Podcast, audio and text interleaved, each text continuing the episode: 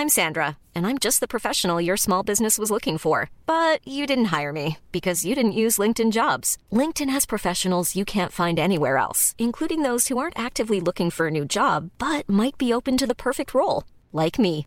In a given month, over 70% of LinkedIn users don't visit other leading job sites. So if you're not looking on LinkedIn, you'll miss out on great candidates like Sandra. Start hiring professionals like a professional. Post your free job on linkedin.com/people today. Imagine the softest sheets you've ever felt. Now imagine them getting even softer over time. That's what you'll feel with Bowl and Branch's organic cotton sheets. In a recent customer survey, 96% replied that Bowl and Branch sheets get softer with every wash. Start getting your best night's sleep in these sheets that get softer and softer for years to come. Try their sheets with a 30-night guarantee. Plus, get 15% off your first order at bowlandbranch.com. Code BUTTERY. Exclusions apply. See site for details. Here's a cool fact a crocodile can't stick out its tongue. Another cool fact you can get short term health insurance for a month or just under a year in some states. United Healthcare short term insurance plans are designed for people who are between jobs, coming off their parents' plan, or turning a side hustle into a full time gig. Underwritten by Golden Rule Insurance Company, they offer flexible, budget friendly coverage with access to a nationwide network of doctors and hospitals. Get more cool facts about United Healthcare short term plans at uh1.com.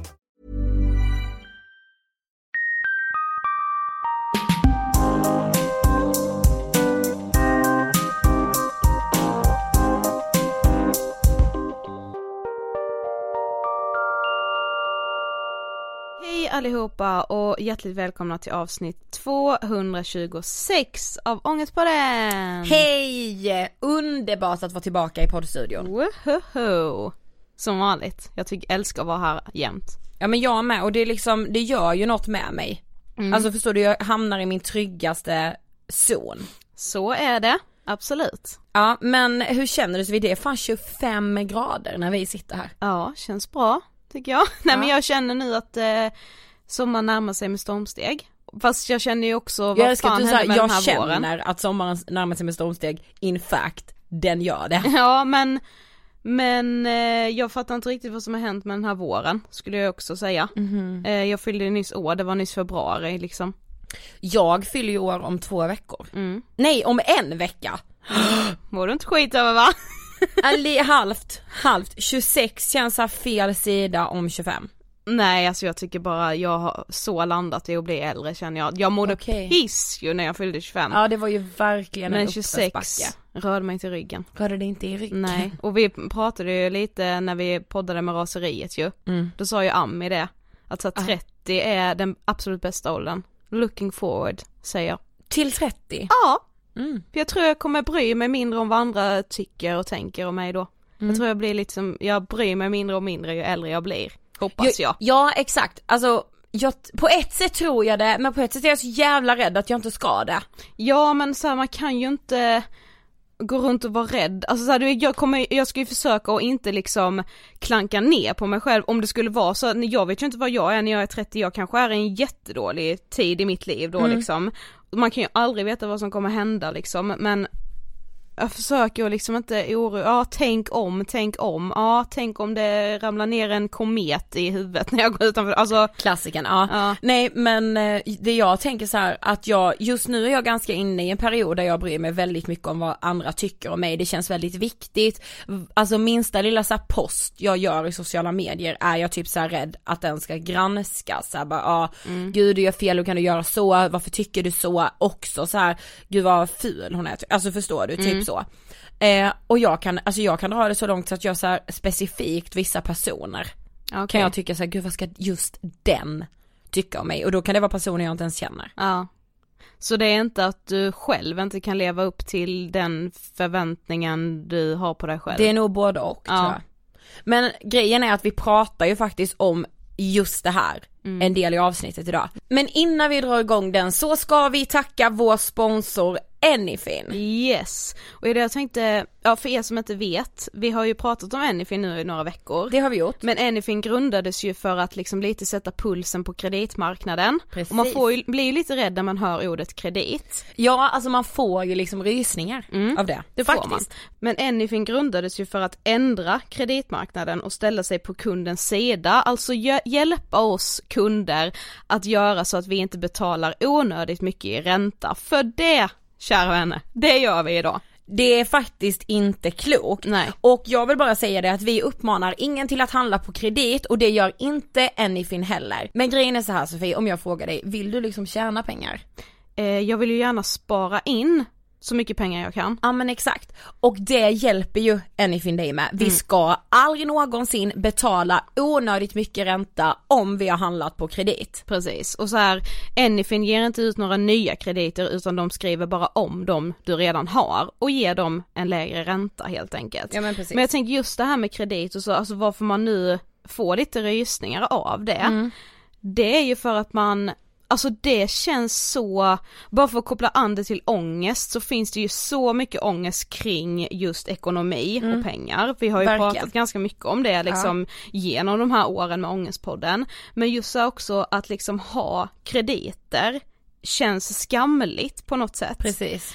Men man ska ju komma ihåg att man kan ju liksom hamna i situationer i livet där man faktiskt inte har något val. Mm. Alltså säga att man kanske precis har flyttat hemifrån och så går typ kylskåpet sönder. Ja. Man måste ha ett kylskåp för man måste ju kunna äta. Vad ska Precis. man göra? Ja men då kanske man måste ta den här på kredit liksom. Eh, det, det, det blev typ så ett uppvaknande för mig en gång när vi gästade en annan podd och pratade just om ekonomi, där de här ekonomerna då sa att det finns ju liksom ett uttryck till och med som heter så här kuvertångest eller kuvertskräck. Precis. För att man är så rädd för att liksom öppna sina, för det är så mycket ångest i just pengar, jag Ja. fattar inte det egentligen. Nej, jag vet. Men också så här att det är så laddat med krediter Mm. för att, och så här, på ett sätt tänker jag, ja alltså det ska det ju vara eftersom om alla helt plötsligt skulle börja ham- handla på kredit, Mm. då skulle ju inte ens ekonomi kännas stadig överhuvudtaget. Nej, nej. Men om man till exempel som vi sa, kylskåpet pajar, man behöver eh, handla på kredit, Mm. då ska man inte känna sig misslyckad i det. Nej, så här, det handlar ju om att ha respekt för pengar, det ska man ju absolut ha, men jag tycker att man är väldigt respektfull mot sina egna pengar om man faktiskt kollar upp vad det är för krediter man har och vad det är för ränta man betalar. För idag betalar vi så onödigt mycket i räntor och Alltså med hjälp av Anyfin kan man ju liksom vara lite mer respektfull mot sina pengar. Verkligen, vet du vad Anyfin säger? Nej. Det är toppen med räntan i botten. Älskar det. Dessutom om ni laddar ner Anyfin idag och själva vill testa det här, det är jätteenkelt, ni bara så här hämtar fakturan i appen och sen så eh, får ni då ett förslag tillbaka från Anyfin där de har räknat om dina räntor och så får du själv välja om du vill godkänna det eller inte. Du kan dessutom ange koden ångestpodden 200 så betalar Anyfin 200 kronor på den fakturan som du skickar in. Tack Anyfin! Vi har också denna veckan ett betalt samarbete med Systembolaget. Yes! Förra gången Systembolaget var med så introducerade vi ju vårt samarbete, jag är så exalterad över det här och det känns så in i grunden viktigt. För kopplingen alkohol och psykisk ohälsa, den är många gånger väldigt tydlig, eller så här, kopplingen finns där. Ja verkligen. Men idag så ska vi ju faktiskt prata lite om varför Systembolaget finns. Mm, och så här de bakomliggande syftena. Och alltså för mig känns det så viktigt att Först och främst ska jag vara helt ärlig med att säga att för några år sedan så förstod inte jag själv varför vi hade Systembolaget. Nej, för att jag jag hade ju inte den insikten jag har idag om hur vanlig kopplingen mellan psykisk ohälsa och alkohol är. Mm. Eh, men att, att förstå att Systembolaget finns ju inte bara för liksom konsumentens bästa utan för allas bästa. För runt en person som kanske dricker för mycket så finns det många gånger kanske en partner, det kan finnas barn, eh, föräldrar, syskon, alltså det är så många runt omkring som blir drabbade av någons alkoholkonsumtion ju. Ja men exakt, och om alkoholen säljs utan vinstintresse, som den ju gör genom Systembolaget, då blir alkoholskadorna i samhället mindre. Och det känns väl så här som ett uppenbart mål alla vill jobba mot. Ja, vi vill minska alkoholskadorna. Ja, då behövs också alkoholen säljas utan vinstintresse. Precis, så här, vi, jag är liksom inte emot alkohol och som vi har sagt också att det här samarbetet gör inte vi för att vara så här pekpinnar, sluta Nej. dricka alkohol. Vi själva dricker alkohol, Ja. men det är så viktigt att liksom prata om att alkohol är ju inte som vilken vara som helst. Precis. Därför kan den inte säljas som vilken vara som helst. Vi kan inte sälja alkohol på samma sätt som vi säljer mjölk till Nej, exempel. Liksom. det går ju inte. Nej. Och liksom Systembolaget har ju ett uppdrag av staten Mm. och där ingår att informera om alkoholens risker. Därav det här samarbetet. Mm. Eh, och också såklart att sälja med ansvar. Precis, om ni vill läsa mer om vad Systembolaget faktiskt gör så kan ni göra det på omsystembolaget.se. Tack Systembolaget. Och denna veckan gästas ju vi av Flora Wiström! Underbart! Som ju är högaktuell med sin andra roman Hålla andan. Ja men Flora är ju författare, medieprofil, eh, bloggare. Jag har läst Floras blogg sen jag gick på högstadiet tror jag. Ja, det var en av de första som man liksom ändå såhär du vet, den här bloggen går jag in på dagligen. Precis. Ja, Verkligen. Och Floras första bok hette ju Stanna kvar, som kom för några år sedan.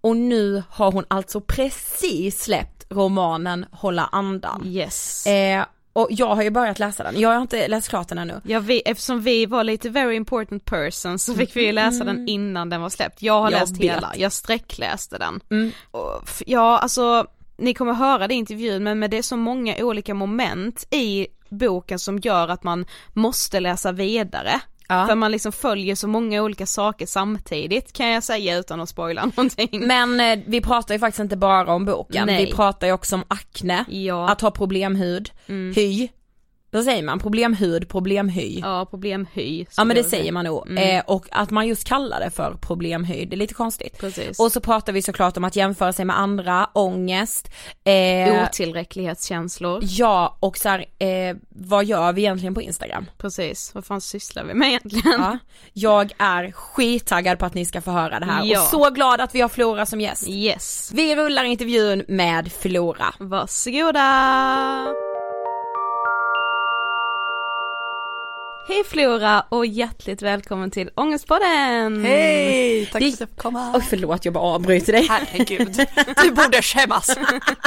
Nej men vet du jag tänkte nog att det kändes som att du hade gästat oss innan. Men det var ju för att vi fick äran att gästa din och Alexandras YouTube-kanal. Ja precis. Så det är därför du liksom har varit i rummet men då kände jag så att du nästan hade varit gäst hos oss innan. Ja, nej, då var det ni som var gäst hos oss. Ja, ja visst. Men för de som inte vet, vem är du? Eh, ja, Um, jag... Uh, jag eh, bloggar.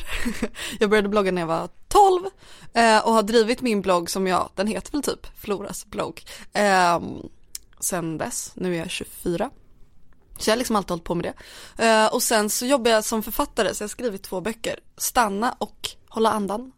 Och Hålla andan kom ut i, ja, förra veckan eller något. Ja. Jag vet inte när det här kommer ut. Ja men när vi Ja, när vi poddar det här så är det väldigt färskt. Ja, du, precis. är den typ, då är det två dagar typ? Ja, exakt. Oh my god. Ehm, och sen så, ja, jag är från utanför Stockholm. Jag gillar att hänga med kompisar och laga mat och läsa böcker. Men jag vet inte vad man ska säga. Nej men det där Det är, är jättebra tycker Men jag. det är en svår fråga, den Ja. låter väldigt simpel men den är ju svår. Gud, man blir alltid exis- existentiell. Ja, Exakt. precis. Men vad tänker du på när du hör ordet ångest? Ehm, då tänker jag på eh, mina otillräcklighetskänslor. Ehm, min rädsla för att inte räcka till på något sätt, liksom i mina prestationer eller i mina relationer. Ehm, jag tänker också på att det är någonting som vi pratar mycket mer om idag än vad vi gjorde för några år sedan och att eh, det är också ett ord som folk slänger sig med på ett annat sätt idag. Um, vilket är jättebra. Liksom. Mm. Idag har jag inte så mycket ångest. Skönt. Ja, jätteskönt. Jag känner mig faktiskt jätteglad idag. Ja. Jag har sommarlovskänsla i kroppen. Jag tror att det är för boken är ute. Det är ja, säkert. Mm. säkert. Ja men för alltså nu är du ju liksom aktuell med din andra roman, eh, Hålla andan. Kan du inte liksom berätta lite om, om den? Absolut. Hålla andan handlar om eh, en syskonskara om tre. Det är Darja som är äldst, hon är elitsimmare. hon är 22. Sen är det hennes syster Mina som är 18, hon har precis tagit studenten. Um, och så har de en, en bror som heter Sam som är 16. Och de här tre de bor i en liten stad som man inte vet eh, var den ligger eller vilken det är. Men de har ju vuxit upp under samma tak som man gör när man är syskon. Men de börjar mer och mer eh, liksom eh, leva på olika planeter kan man säga. Ehm, Specifikt Darja som är simmare. För att hon är alltid, alltid i simhallen. Och hon eh, på något sätt blir till genom sina prestationer. Eh, och Mina som är romanens huvudkaraktär. Hon försöker hela tiden vinna sin, eh, sin systers blick och uppmärksamhet men förstår ju någonstans att hon är chanslös gentemot den här simningen. Eh, och den världen som är i simhallen. Ehm, och i början av boken så eh, kommer Mina hem och Darja är försvunnen. Hon har tagit sina saker och sitt pass och ingen vet var hon är. Så boken handlar om Minas eh, försök att förstå sin syster, förstå varför Darja har dragit. Eh, på ett sätt blir hon nästan sin syster för att hon klär sig i sin systers baddräkt och åker till simhallen och börjar vistas där. Um, och samtidigt får man också följa Darja på sin liksom väg genom att väg till att förstå sitt förflutna och kanske komma ifrån sitt förflutna och, och sparka sig fri. Simma i havet istället för i en bassäng.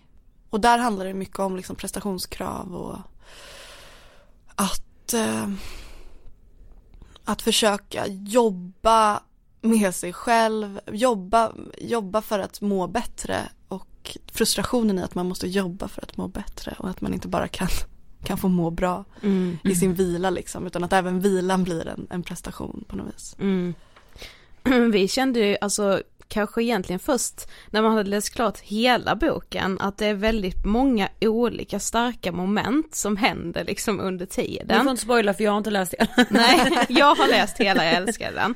Eh, det, det var så mycket känslor som liksom väcktes under tiden men något som liksom ändå var genomgående genom hela boken tyckte jag i alla fall det var ju det här på något sätt vemodet i att upptäcka att man alltså inte är så nära ett syskon som man kanske tror att man är. Alltså lite det här, jag kände typ att det kan ligga ett litet tabu runt det, för så här, syskonkärlek den ska alltid vara så himla stark och det är den ju, men det kan ju, även om man liksom älskar varandra väldigt högt så kan det ju finnas mycket hemligheter som man håller liksom mm. för sig själv, kanske för att man mår dåligt till exempel.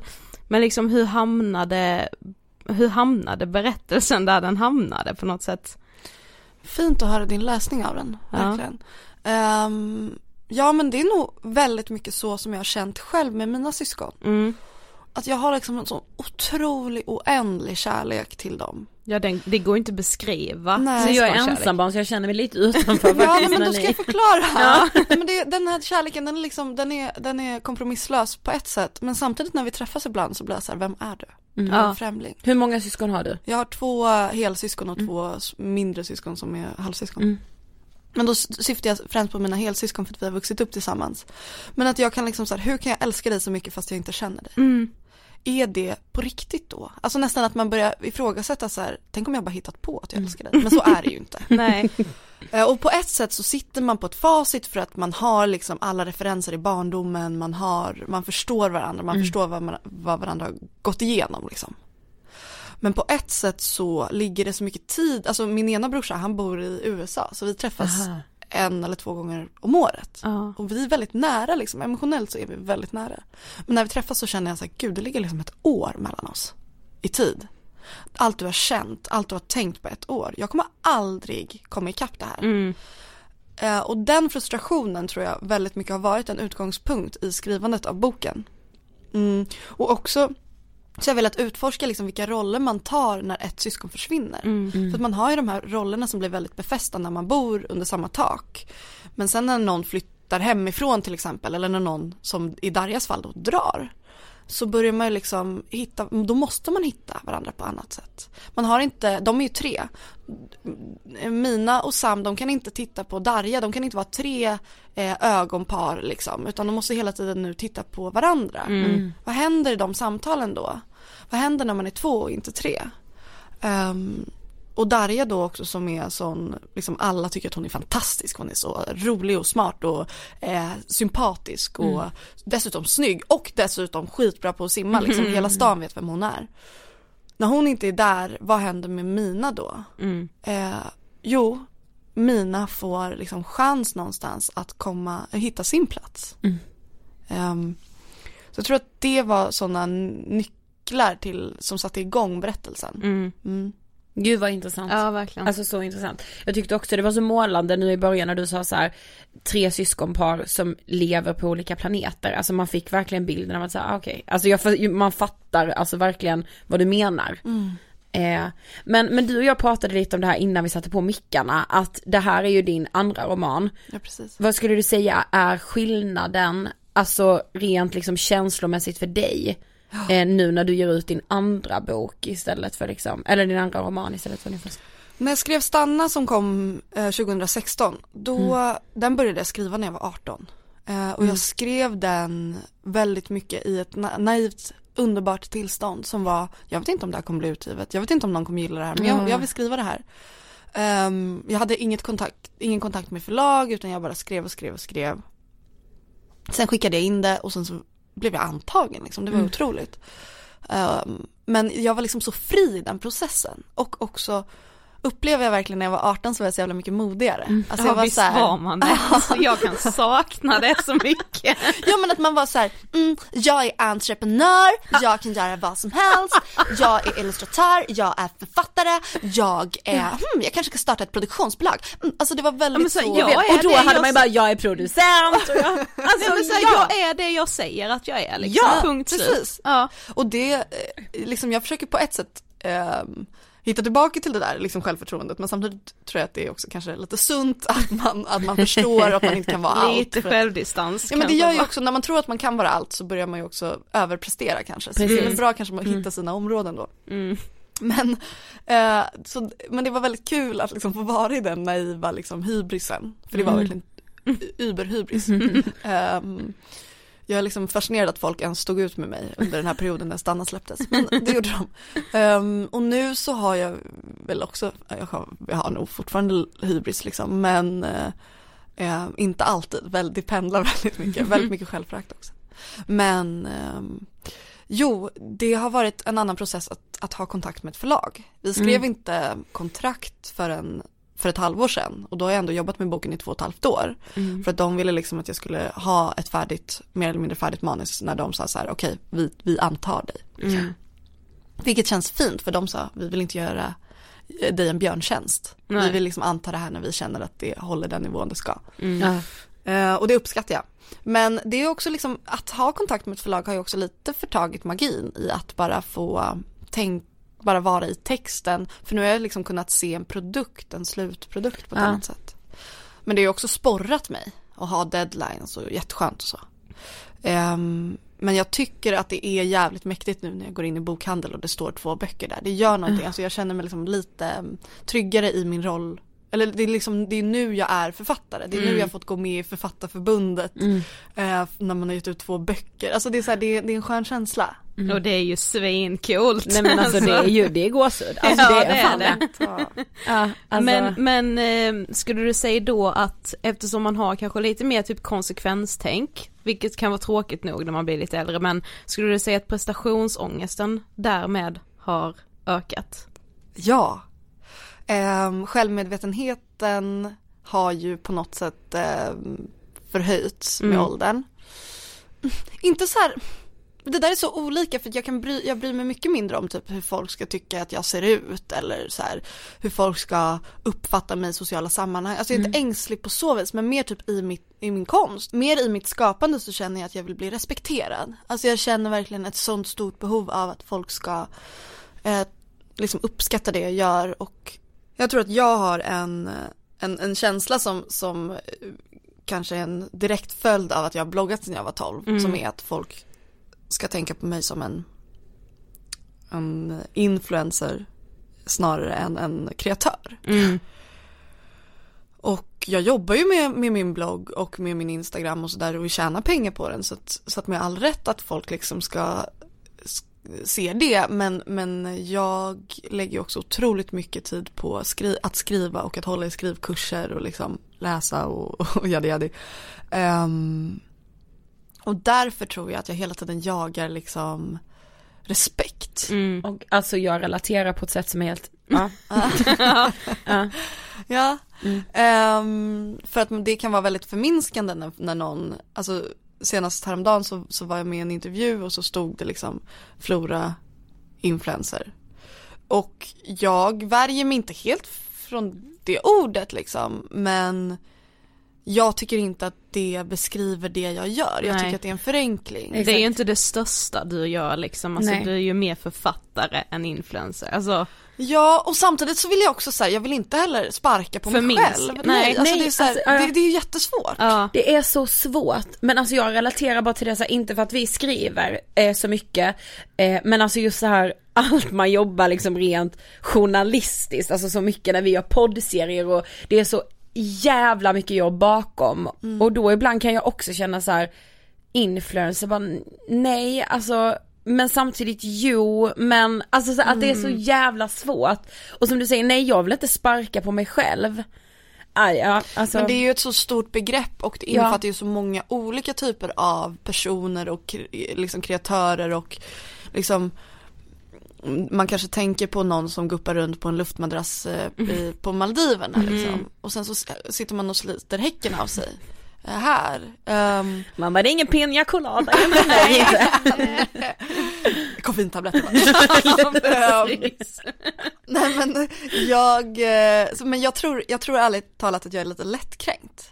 Eh, Jag har börjat inse det här om mig själv att jag är väldigt lättkränkt. Det är jag med, fy Ah, fan, Fan vad lättkränkt. jobbigt det är. Ja det är jättejobbigt. Jag vet inte vad man ska göra för att träna bort det. Nej. Jag försöker verkligen inte tro att alla är min fiende. Men alltså så här, jag kan inte lyssna på vissa poddar för jag tror att de kanske kan säga någonting om influenceryrket som kommer göra att jag kommer hata mig själv. Alltså så här, jag är Ja. så lättkränkt. Mm. Eh, men där, därför tror jag att mitt eh, min prestationsångest har ökat lite för att jag känner så här, nej men nu ska inte det här bara vara någonting jag klarade en gång utan nu ska jag visa på något sätt att jag behärskar det här. Ja. Men alltså som sagt så du har ju liksom jobbat med sociala medier väldigt länge, eller i sociala medier väldigt länge. Hur har du det med så här, jämför du dig mycket med andra?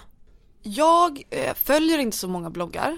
Jag följer inte så jättemånga på Instagram, alltså okej jag följer väl 500 pers men det är inte så här, det är ganska många men många av dem är mina vänner liksom. Medvetet så konsumerar inte jag så jättemycket andra liksom eh, ehm, influencers eller vad man ska säga för att jag vill, jag vill jag vill inte bli för påverkad. Nej, På ett alltså, sätt så ja. tänker jag att det är dumt för att jag inte gör min research och ser vad som funkar. Mm. Men på ett sätt tror jag att det är ett sätt att behålla min autenticitet. Att så här, göra min grej och inte bli så här för trend. För det finns ju trender i sociala medier Ja, och ja, gud, ja. bloggande. Alltså så, här, ehm, så att jag jämför mig absolut, jag, jag, jag känner av väldigt starkt när jag blir triggad av en instagrammare till exempel och när jag blir inspirerad. Jag kan säga, åh vad fina kläder så börjar jag följa och sen så bara varje gång den personen kommer upp i mitt flöde så bara åh jag vill också vara sådär smal, jag vill också vara sådär lång, jag vill också se sådär sval ut och bo i Paris och gå runt med en liten korgväska typ. Ehm, och sen så, så, att så här, jag, ofta så går jag igenom och bara, hmm, får jag en bra känsla av den här personen? Eh, nej, och då Exakt. avföljer jag. Det är sunt tror jag. Ja men det tror jag, det tror jag man måste Ja. om man ska konsumera Instagram. Man måste känna triggad eller inspirerad. Ja, exakt. Och ibland så är det väldigt svårt att veta och då tänker jag att då ska man avfölja. Ja, är vet man, säker. exakt. Vet man inte ska man fan avfölja. Ja. Jag tror det. Man märker ju också snabbt om man faktiskt saknar den här personen i ens flöde på alltså för att man saknar inspirationen, då är det bara att börja följa igen. Ja, alltså, verkligen. Jämför Ja. ni er mycket med folk på, i sociala medier? Och i, i periodvis Ja det kan verkligen svänga mycket. Ja. Och då kan jag, alltså jag är väldigt såhär ni vet, jag kan snöa in mig på någonting då. Ibland kan jag vara väldigt så här stilmässigt, att jag bara så fan, jag har så jävla dålig, dåliga kläder och ful stil liksom. Så jag är inne jag på det. har ingen stil, Ja, men jag, typ ja, men typ. Och sen ibland är jag väldigt så här, liksom utseende och bara gud varför har jag inte så jämn hud, hur kan jag liksom sminka mig så dåligt, alltså jag är väldigt liksom att jag är så periodvis och då snör jag in mig på någonting som jag känner att så här, gud nu blir jag jättetriggad, nu har jag det skitjobbigt med det här, ibland är det liksom eh, vikt och kropp och ja men ni vet. Eh, så ja period, perioder, men jag har också, alltså bara senaste året tror jag, blivit bra på att så här, triggad, inspirerad, alltså faktiskt. Jag skulle också säga att jag såklart jämför mig mer med andra liksom och mår dåligt över det när jag redan typ mår dåligt. Verkligen. Bara så, så om jag har eh, en vecka med mycket ångest liksom, då ska jag ju egentligen inte, alltså jag, lika mycket som att ha så här alkolås på bilen borde jag ju ha ett lås på min telefon som gör att när jag har ångest så ska inte jag in på Instagram. Men alltså, alltså skulle du kunna eh, liksom ha självinsikten att du tar bort Instagram då? För jag tar bort Instagram i perioder. du gör det ändå? Ja. Ah, ja, det har jag ju aldrig gjort. Jag har fan aldrig gjort Nej det. men, Nej. nej. men för det kan man ju göra jättelätt att ta bort appen och sen bara logga, ta, den, man Precis, laddar ju man ner behöver- den på man tar en inte sekund. bort sitt konto, nej, liksom. Nej, men, men jag har börjat göra det så vissa dagar, det, det, för ofta så laddar jag ner det igen på kvällen, men Mm. vissa dagar när jag känner så här, shit nu hamnar jag i det här Instagram-träsket. Man kommer in på eh, Molly Sandén, man kommer in på Danny Saucedo, man kommer, alltså man bara så här, k- man klättrar liksom Verkligen. djupare och djupare Ja. ner Ja. tills man är hos någon jävla person som man verkligen inte bryr sig om men som Nej. man ändå typ är jättefascinerad av plötsligt. Ja. Då kan jag få sån ångest, bara, hur hamnade jag här? Jag bryr mig inte. Nej. Liksom. Ehm, och då så, då så brukar jag, alltså obs, no, ingenting emot Molly Sandén. Men, eh, men eh, då brukar jag ta bort det. Ja. Och det är jätteskönt. Men hur har du kommit fram till det? Alltså jag tänker så här, har, det, har du liksom, hade du den inställningen när du började med Instagram eller har du liksom växt fram? Nej men när jag började med Instagram då höll ju folk inte på med det så mycket. Nej, det var ju det, liksom nej det är sant. så tidigt så det där har ju växt fram med tiden. Nej men jag tror jag bara blir äcklad av känslan av när man känner att telefonen är varm i handen och typ lite svettig och flottig Ja. och man bara gud jag har suttit med den här så länge nu. eh, och då, och jag får bara bara ångest av det. Ehm, samtidigt som jag också tycker att det är så inspirerande med Instagram. Mm. Men Ja. fan, ja, alltså det här med alkolåset, Mm. yes. Men tips, alltså jag, det, det är en läxa. Testa Ja, det. jag ska testa. Men på tal om huden då som Ida Ja. nämnde här, du var ju under en period väldigt öppen med att du hade akne, vilket var jätteskönt för oss för vi du, själva det, har ja men det har också varit en räddare faktiskt. Ja, Mm. verkligen det. lidit jättemycket och vi, det är faktiskt liksom någonting som vi får väldigt mycket önskemål om att ta upp mer i podden. Just så här, liksom att ha problem med sin höj. Sen att det är problemhöj, det kommer vi till senare. Men vad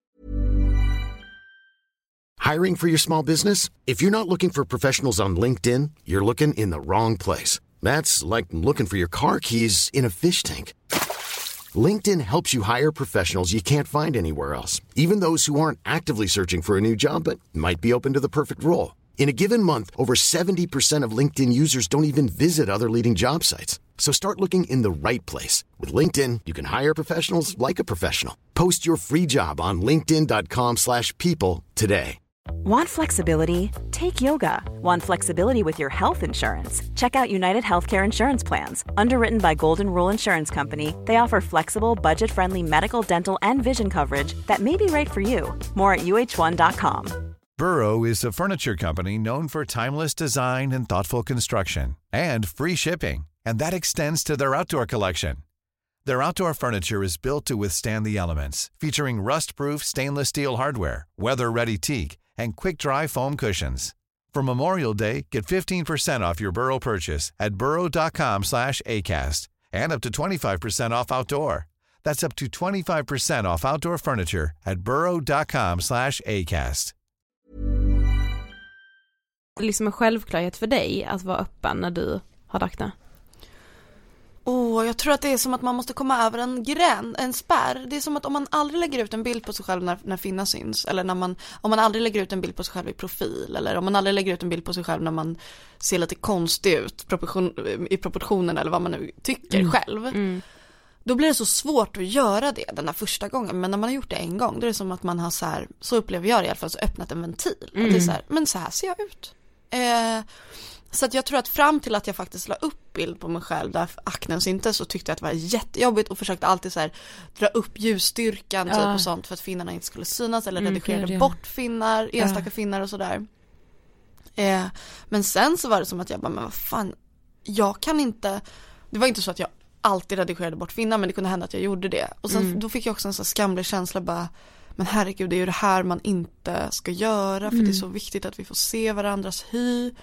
Inte bara i verkligheten, för där ser vi ju hela tiden. Precis. Men det är någonting med att man är så fokuserad på hur saker ska se ut på bild. Så man Ja. skiter i hur folk ser ut i verkligheten. Ja, jag är inte vet. det märkligt? Jo. Ehm, så att då kände väl jag att nej men då måste jag visa det här. Ehm, och jag fick också någon så här hormonupplossning efter att jag slutade med mina p-piller som hade. Tyglat min akne. Jag hade så här jasmin, hette Mm. Ehm, och då hade inte jag haft någon akne. Sen när jag slutade med dem så fick jag så här, typ. Det var ju pissjobbigt. Ehm, och då bestämde jag mig för att nej men det här ska jag skriva om. Ehm, och jag började också i, i takt med det att jag skrev om det så började jag också gå mer osminkad. Och eh, då så kände jag väldigt fort att så här, men jaha, det var inte så farligt. Det var liksom. ingen som dömde mig liksom. Nej. Mm. Och nu idag så har jag ju typ ingen akne alls. Nej, du är ju skitfin. Så det är också väldigt, tack. Eh, men, men det är också väldigt lätt att sitta och prata om så här, åh men man, då, man går bara Ja. osminkad. Det är, men, eller jag har ganska mycket akne på ryggen fortfarande men, Mm. men den, alltså så här, den trän, jag tränar på att så här, gå med linne och Mm. sånt för att så här, mm, som sagt, gör man det, det är som med KBT liksom. Exakt. Gör man det tillräckligt många gånger så blir det inte jobbigt sen. Ehm, jag tror ändå att vi måste alla bli lite bättre på att, att våga liksom visa det. Mm. Men det är ju någonting man får hjälpas åt med tänker Ja. jag. Det kan inte ligga på ens egna axlar. Nej. Därför tycker jag typ den här Facebookgruppen, Acne-gruppen tror jag den heter. Oj, jag har missat den. Ja. Mm, den är jättefin. Ja. Eh, Det är kompisar till mig som driver den. Ja. Och folk lägger ut bilder och tipsar om olika produkter och, och sådär. Um, Gud, ska för jag får- genast. Ja men gör det, för jag får alltid, efter när jag också pratar om min akne, då får jag också alltid typ 17 miljarder DMs Ja. som är så här, vad funkade för dig? Typ. Mm. Eh, och det kan jag säga nu att jag använde en kräm som heter Acnatac. Ehm, men jag hänvisar alla frågor till att gå med i den här Acne-gruppen för det är liksom Gud vilket bra uppdaterat. tips. Eh, många kan gå dit och svara, det är liksom väldigt, och ibland, ibland är det så här, kan inte alla lägga upp en bild på sig själv och osminkad och så gör alla det så man bara, men gud det är så Åh, många. Gud jag måste härligt. komma direkt Ja, jag med. Men, men alltså kunde du må dåligt, alltså över din akne? För det, alltså när jag hade så mest problem med min akne, alltså då hade jag ju också sånt jävla självhat i det. Som att så här, det var något som jag själv hade så här gett mig. Alltså, Alltså jag, känslan av att vilja ömsa, hu- ömsa Ja. skinn. Mm. Den var ju så total. Ja. Ibland så stod jag bara och slet mig i hy, hyn framför spegeln och bara Alltså ångesten bara kröp. Det var som att man, jag bara ville skrika. Ja. Mm. Ehm, och, men för det är ju också det med akne. De som inte har haft det, de vet inte hur ont det gör. Det Nej. gör så jävla ont. Ja. Det blir liksom så här inombordare som, som om man, jag hade mycket på ryggen Satte mig, lutade mig på en stol och det kom åt och det gjorde så fucking ont så att det blev så här, Ja. ja men ja, alltså verkligen. Eller på kindbenen Ah, och sånt och så, sätter, så så, så slår man i och så bara det gör så ont så att det är liksom bara så här, liksom dubbel förnedring. Det, det ser inte så kul ut och det gör skitont. Ja. Och man vet liksom inte vad man ska göra. Ska jag klämma? Ska jag låta det vara? Mm. För alla säger olika ja, liksom. eller hur. Jag kommer ihåg när jag fick ett sånt liksom utbrott för det kunde man ju få. Ibland när man bara så hade haft en period när det var helt okej sen bara över en natt så kunde det bara explodera i ansiktet typ. Och jag kommer ihåg hur jag beskrev det för mamma med så här, bara om man gör det ont? Liksom så jag bara det är som att mitt ansikte är stukat, alltså för det var ju den här värmen också. Så bara typ om du har stukat Gud. foten så blir det ju liksom så här, det typ pulserar Ja. lite, det blir ganska hett liksom om man tar på huden och så Ja. kändes liksom ansiktet, Ja, det var så här stukat. Ja. Ja det gjorde så jävla Ja men alltså den ont. smärtan alltså, uh, det gör så ont. Och som du säger, det vet man typ inte om man inte har haft akne. Nej, Nej. folk bara, men vadå det är bara lite finnar men det är liksom, det Ja. är så, det gör så mycket med, och sen så blir man ju också, precis om man har ätstörningar eller problem med sin kropp, då blir man ju helt superfokuserad på hur folk ser ut. Man börjar ju sitta och så här, särskåda folk liksom. Samma med om man liksom har ångest över akne. Jag tycker också att man kan bli helt superfokuserad på folks hy. Så man Ja. sitter och så här, Du, jag var, titt, alltså liksom verkligen zoomar in på folk och bara, åh gud hur kan den här personen ha sådär slät hy och börjar Ja. jämföra. Man blir liksom helt Gud besatt. ja, alltså verkligen. Och jag kunde så mycket men ni vet så här googla fram före och efterbilder Mm. på personer som jag då tyckte hade så här värre Alltså akne än vad jag hade och bara, Mm. gud den personen har blivit fri från det här, jag kan också bli det. Mm. Men ändå en rädsla var såhär, nej jag kommer inte bli av med det här, jag kommer få dras med det här nu resten av mitt liv. Liksom. Och, gud, och så säger folk alltid så här, men det kommer, ju äldre du blir desto bättre blir det. Och jag bara, när man är så här 19 år, man bara, jaha men vadå, är det fem år liksom? Ja, Ska jag göra det jag här kan i inte vänta så Nej, länge exakt. Och liksom. nu har ju jag blivit av med det, jag är Ja. 24 och jag trodde liksom aldrig riktigt Nej men exakt. Sen är jag inte av med det helt men så här, Nej. ändå stor skillnad Mm. Nej men alltså det där är ju Men, men det, som jag, det som hjälpte då för mig just med det här med att när man blir besatt av folks hy och min egen hy att jag började så här, titta, oh gud vänta vad är det där? Uh, så här, klämma, klämma, klämma Det var att sluta med hudvård, alltså, alltså köpa så här, massa olika produkter Nu har jag så här det är också för att min hy är mycket liksom, mer lättskött nu. Men jag har så här, väldigt enkla produkter. Jag har så här, en ansiktstvätt, jag har en nattkräm och en dagkräm. Det är det jag använder. Ja. För att jag märker när jag börjar med syror, när jag börjar med ansiktsmasker, allt det där. Det kan kännas härligt i stunder för man bara, mm, jag är så himla mysig som tar hand om mig själv. Lite lyxig. Men jag blir så jävla besatt av min hy då. Ja. Och jag vill inte tänka på min hy, jag vill tänka på skrivande liksom. Ja men eller hur, gud och det där tror jag också, alltså så här, eftersom man en gång har varit så besatt på grund av aknen, jag tror aldrig, alltså jag, jag kan verkligen relatera till det, jag tror aldrig jag kommer kunna bli den där som jag ibland kan liksom romantisera, bara gud ta hand om min hud, köpa syror och alltså någon så här exfoliering eller vad det är, ja men ni vet så här, att Vad jag ska fan nu. Ja, vad, vad är det ens liksom? Att ni vet så här, att jag ska bli den, men jag kommer aldrig lyckas. För då kommer jag vara helt så här, ja nej nu måste jag ändra det och där har jag ju ärr och där har jag ju det. Alltså, Men säger sig självt egentligen att det är som om man har problem med maten och tränar jättemycket. Det är väldigt svårt att få en, en, liksom en, en, en balanserad Ja, relation till träning. Precis. Det, det tar ett tag och då får man hitta vissa medel och för mig då till exempel med aknen då så har jag förstått att okej men om jag har några produkter som känns trygga då kan jag liksom bara vara lugn i det. Ehm, men eh, det ska väl sägas också här ute i mikrofonen att man, om man har mycket problem så gå till en hudläkare. Ja, Verkligen. absolut. Eh, men vad skulle du säga ger dig ångest idag? Liksom kanske inte idag idag, nu har du ju ändå typ sommarlovskänslor, men Ja, liksom exakt, generellt idag. Um, jag får ångest när jag, alltså jag kan bli lite paranoid ibland och tro att folk eh, hatar mig. Och jag tror att det är en, en, ett, resultat, ett resultat av att vara offentlig liksom. Ganska naturligt resultat av det. Att jag börjar tänka, vad, vad pratar folk, när de pratar om mig, vad säger de? Ja, men typ som att jag tänker att alla har åsikter om mig, vilket jag vet ju själv att så här, jag följer en massa folk som jag knappt reflekterar över om vad jag tycker om den personen. Men det är som att jag får för mig att folk sitter och bara, åh, det är så jävla töntig Flora skrev det här, oh, jag får panik över att titta på den här töntiga bilden. Uh, alltså så, så det kan jag verkligen, då, om jag går in i den liksom, det rummet så kan Ja. jag få mega ångest. Ehm, men det är också att jag är självupptagen uppenbarligen för att eh, liksom jag borde ju bara så här, nej vad fan, folk bryr sig inte. Folk bryr sig Nej. om sig själva, inte om mig. Liksom. Ja. Men jag är självupptagen då i sådana, när jag har ångest liksom. ja. Ehm, och sen så får jag ju liksom prestationsångest typ inför att boken skulle bli klar och min, min ångest är väldigt ofta stressrelaterad. Så jag har fått jobba jättemycket med att lära mig att, att vila och inte jobba på helgen. Jag har liksom nu för tiden så har jag kontorstimmar. Ja. Punkt. Det är, liksom. Vi, alltså, det är det bästa. är det High bästa. fucking Ja, alltså. för det var nästa fråga, att så här, hur, hur du liksom i så fall hanterar den här ångesten. Och det är ju såklart en grej. Ja. Det, det är så svårt att dra gränser när man också är i uppstart av eh, Ja. liksom jobb och mm, entreprenörskap gud, eller ja. liksom kreativ, kreativa grejer. Men jag tror att man måste det för att vara en dräglig person och för att stå ut med sig själv och, och för att låta hjärnan vila. Kreativitet föds så mycket i vilan. Jag var bortrest nu förra veckan på mitt land, eller mitt släkts landställe och ehm, var så rastlös. Jag var där ensam i, i fem dagar och bara gick runt och bara oh, oh, oh, vad ska jag göra? Oh. Vi hade inget internet så jag kunde inte sitta och streama massa serier liksom så jag gick runt där och bara var helt super uttråkad. Men då blir jag kreativ. För Precis. jag bara mm, undrar om jag skulle kunna skriva en text om det här. Typ. Och det, så är det alltid tycker jag.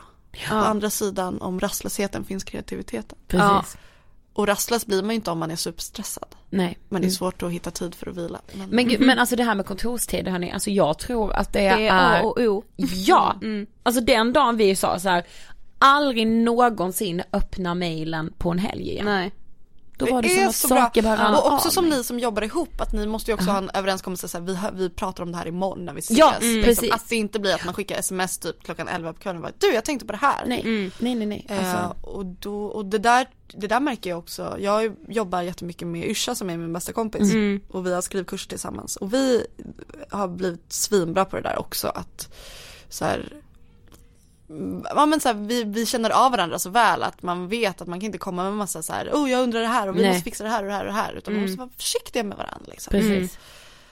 Men samtidigt är ju det motstridigt i ett liksom samhälle som hela tiden så här uppmanar till att gå upp klockan fyra, gå och lägg, alltså ni vet så här, ibland kan jag bli så här, bara gud, alltså lever jag mitt liv fel och sen bara nej, det gör jag inte, stopp. Alltså, för så här, ja men ni vet det här typiska nu, så här, entreprenörslivet, gå upp fyra, duscha iskallt typ. Alltså det är så här, hjälp mig. Och typ så här, du ska helst hinna träna innan klockan sex på morgonen.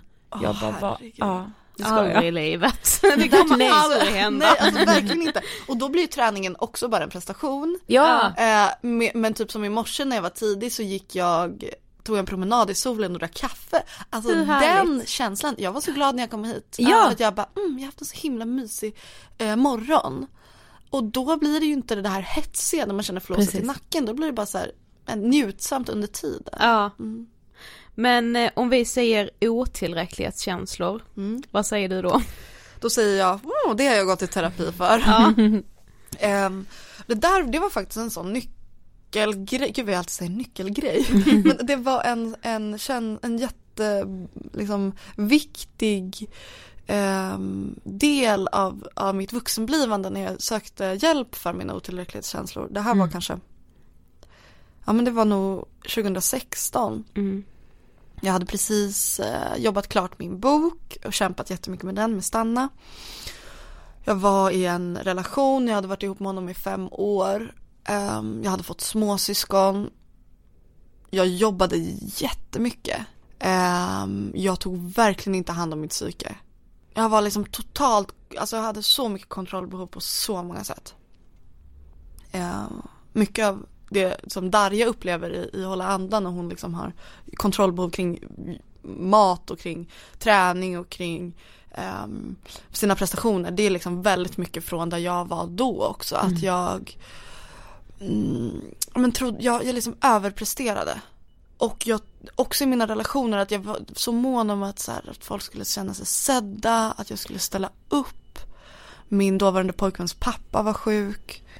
Eh, jag tog jättemycket ansvar i den liksom, familjen och med min pojkvän och så här. Och, och jag, till slut så bara, jag satt i bilen med mamma någon gång och bara bröt ihop och hon var tvungen att så här väja av från vägen.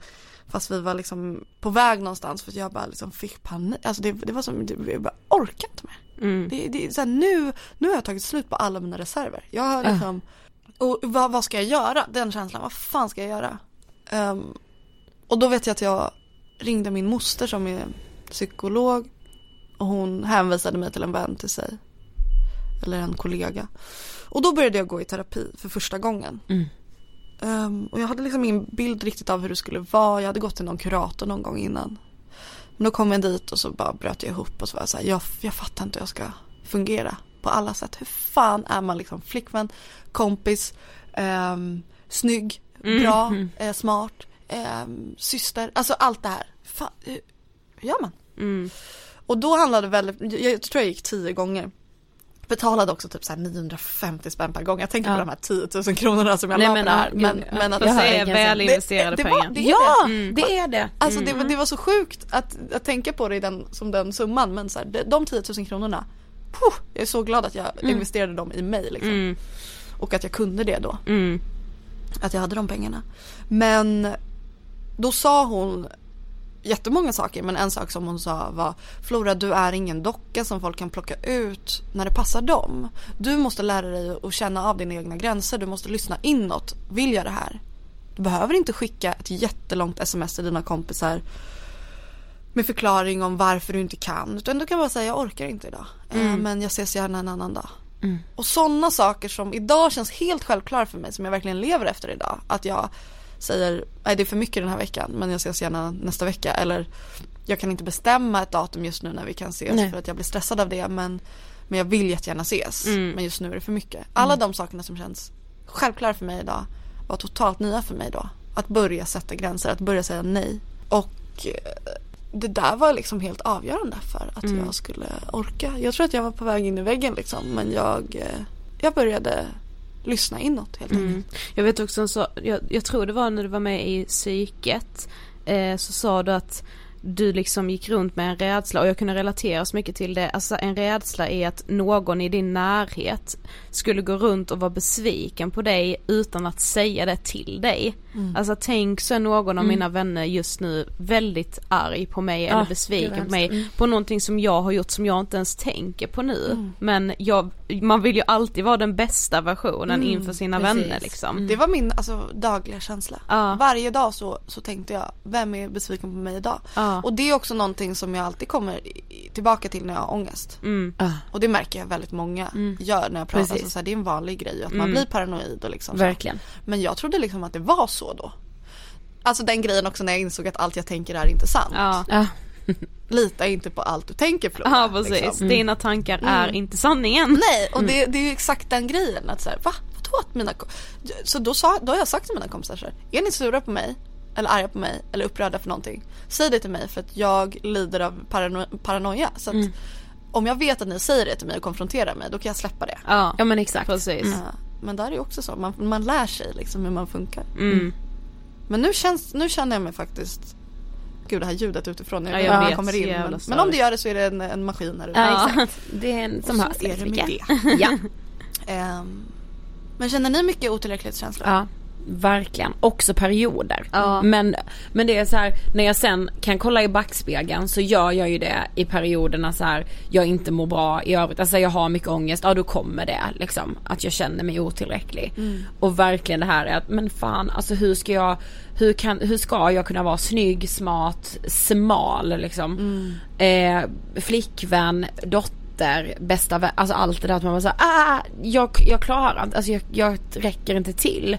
Nej precis, det tar fan en halv dag bara att tvätta. Ja. Då undrar man bara så, hur fan ska man hinna? Och sen ska jag tydligen raka benen och Ja. raka, raka mig här och där. Och jag ska vara len och jag ska lukta gott och jag ska ha fina naglar. Och jag ska vara smal. Och jag ska dessutom prestera jättebra på jobbet. Och dessutom vara en så här superhärlig, eh, fnittrig, glad tjej som bara ska vara alla till lags. typ. Precis. Ja men verkligen. Alltid om man- så här jättehärlig. nej, med också den här grejen. För alla andra klarar ju det. Ja. Ser jag ju hela tiden. Precis. Alltså, Ja. Men jag tänker det är en sån grej när man, när man bara får så här godta bara, nej men jag kommer inte, jag, jag kommer kunna prestera på vissa områden och då lägger Ja. jag min kraft där. Men eh, man kommer inte kunna vara allt på samma gång. Nej. Nej. Ingen, och de ingen människorna som är det. är det kan knappast vara lyckliga. nej. Alltså, och verkligen här, idag behöver jag tvätta, okej bra. Ja, precis. That's it, Ja, ärligt talat. Ja. Men hur ser du liksom så här på framtiden nu? Är det liksom, hur känns det att boken är släppt? Det känns bra men jag väntar ju på recensioner liksom. Mm. Eh, och fram tills dess så det är kul för att nu får jag respons från läsare. Det är Mm. fantastiskt fint. Verkligen. Folk har skrivit jättehärliga och fina grejer liksom. Och boken handlar ju mycket om just prestation och sånt och jag märker att just målgruppen unga vuxna, där är det ju otroligt många som känner igen sig i att aldrig vara till, känna sig till, tillräckliga liksom. Mm. Men eh, det är klart om jag blir supersågad. Om, om typ DN eller Svenska Dagbladet skulle supersåga mig eller typ inte skriva alls om mig, om boken. De sågar inte mig.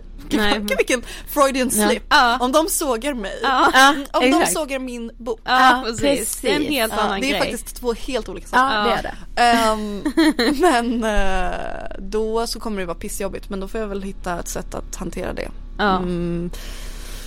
Men sen så är jag ju taggad på liksom att skriva och hålla de här skrivkurserna som jag tycker är känns De väldigt ser så meningsfulla. jävla mysiga Ja, ut måste jag bara verkligen. säga. Alltså jag är ju inte så skrivare men jag skulle kunna tänka mig att bli det bara för att åka på en sån Men skrivkurs. det är många som åker på de här kurserna som inte skriver så mycket annars men som liksom är nyfikna på det. Ja, Alla kommer ju dit och är vettskrämda. Så är de där från torsdag till söndag och sen när de åker på söndagen så bara jävlar vad kul det var. Ja. Det är typ det roligaste jag varit med om att göra Ja, grejerna. det ser så jävla mysigt ut.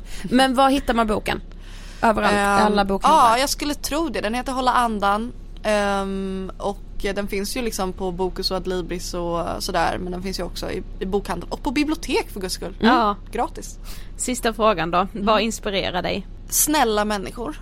Alltså verkligen om man känner att det här är inte en person som eh, ska klättra på någon annan eller liksom eh, Men bjussiga, snälla, varma personer. Mm. Och som också vågar Vågar vara så här mjuka och inte så här, Jag märker det, jag blir jätteinspirerad typ i i flöden och så här på Instagram och sånt när jag märker att folk inte så ängslas för mycket. Att folk, alltså jag kan ibland uppleva att folk är så rädda för att våga vara seriösa. Typ så här, åh jag läste den här boken eller jag, åh kolla den här mysiga saken som jag gjort. Och så ska man typ skämta bort Visst det. är det är lite en trend nu så Ja. Men man ska ironisera över allt typ.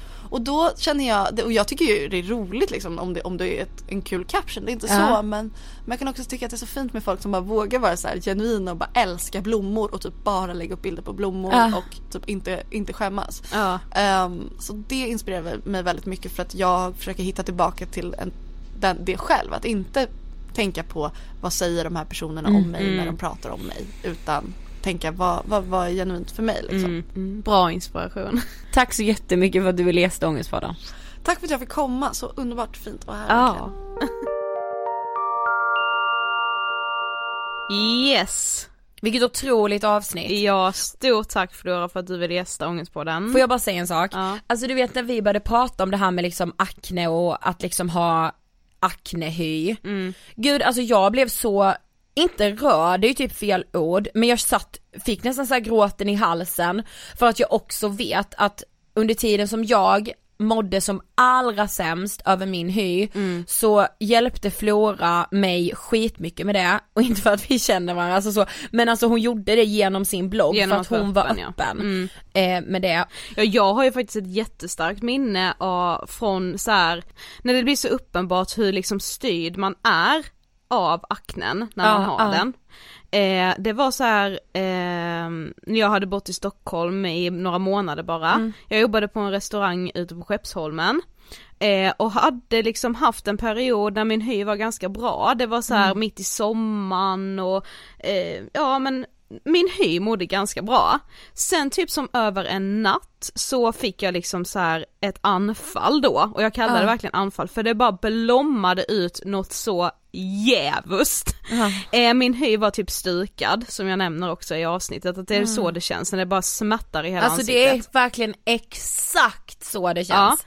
Och jag så här, skulle ju jobba då som vanligt liksom och Mm. ni vet så här, jobba i restaurang då vill man känna sig fräsch, man vill inte springa Nej. runt som någon jävla Nej, pesten liksom. Så Ja. jag sminkade liksom så gott det gick över de här finnarna och så, kämpade på. Eh, och jobbade liksom långpanna den här dagen, liksom både lunch och sen kväll. Ja. För det var en festival ute på Skeppsholmen. Ja, eh, och så när vi hade slutat vårt pass då, vi servitriser, så skulle vi åka upp till Moderna Museet som ligger på Skeppsholmen för att se liksom den här konser- sista konserten med Prince var det. Okej, ja. eh, uppifrån liksom så här, ja men med bra utsikt. Och det som händer är att jag och mina kollegor fastnar i hissen, den fastnar och det blir ju total kaos. vi sitter fast där i typ två och en halv timme på f- så jävla få kvadratmeter, det är bara, det, vi svettades mycket, det var så varmt, luften höll på att ta slut, papperna som satt liksom upptejpade på väggarna lossnade för att det blev så immigt. Alla var liksom panikslagna. Och det tog tag innan vaktmästaren kunde komma och öppna för oss eftersom det var den här festivalen Ja. så allt satt eh, stilla liksom. Men mitt enda problem under de här två och en halv timmarna var att jag var så rädd för jag hade en finne i min panna som jag visste var så här, den kan sprängas när som helst.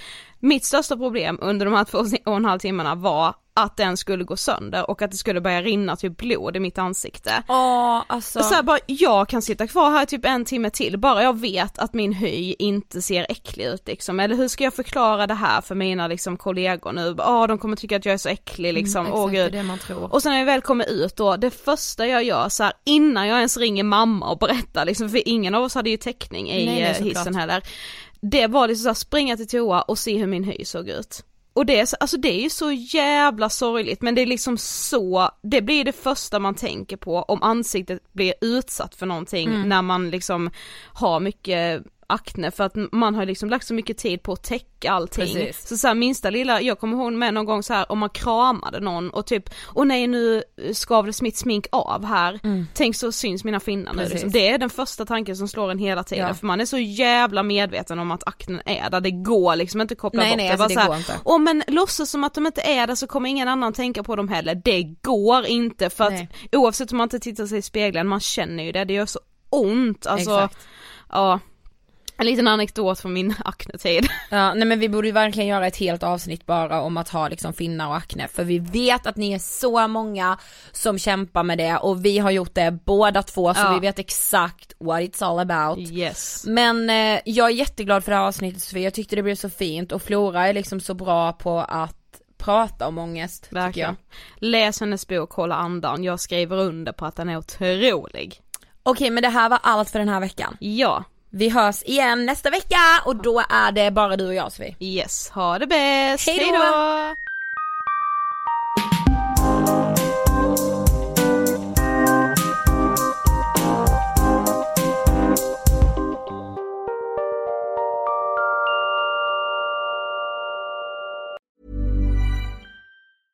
Want flexibility? Take yoga. Want flexibility with your health insurance? Check out United Healthcare Insurance Plans. Underwritten by Golden Rule Insurance Company, they offer flexible, budget friendly medical, dental, and vision coverage that may be right for you. More at uh1.com. Hi, I'm Daniel, founder of Pretty Litter. Did you know cats tend to hide symptoms of sickness and pain? I learned this the hard way after losing my cat, Gingy. So I created Pretty Litter, a health monitoring litter that helps detect early signs of illness by changing colors, saving you money and potentially your cat's life. Pretty Litter is veterinarian developed, and it's the easiest way to keep tabs on your fur baby's health right at home. Go to prettylitter.com and use code ACAST for 20% off your first order and a free cat toy. Terms and conditions apply. See site for details. Planning for your next trip?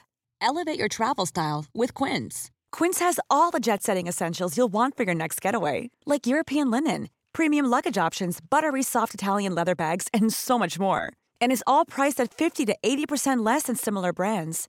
Plus, Quince only works with factories that use safe and ethical manufacturing practices. Pack your bags with high-quality essentials you'll be wearing for vacations to come with Quince. Go to quince.com slash pack for free shipping and 365-day returns.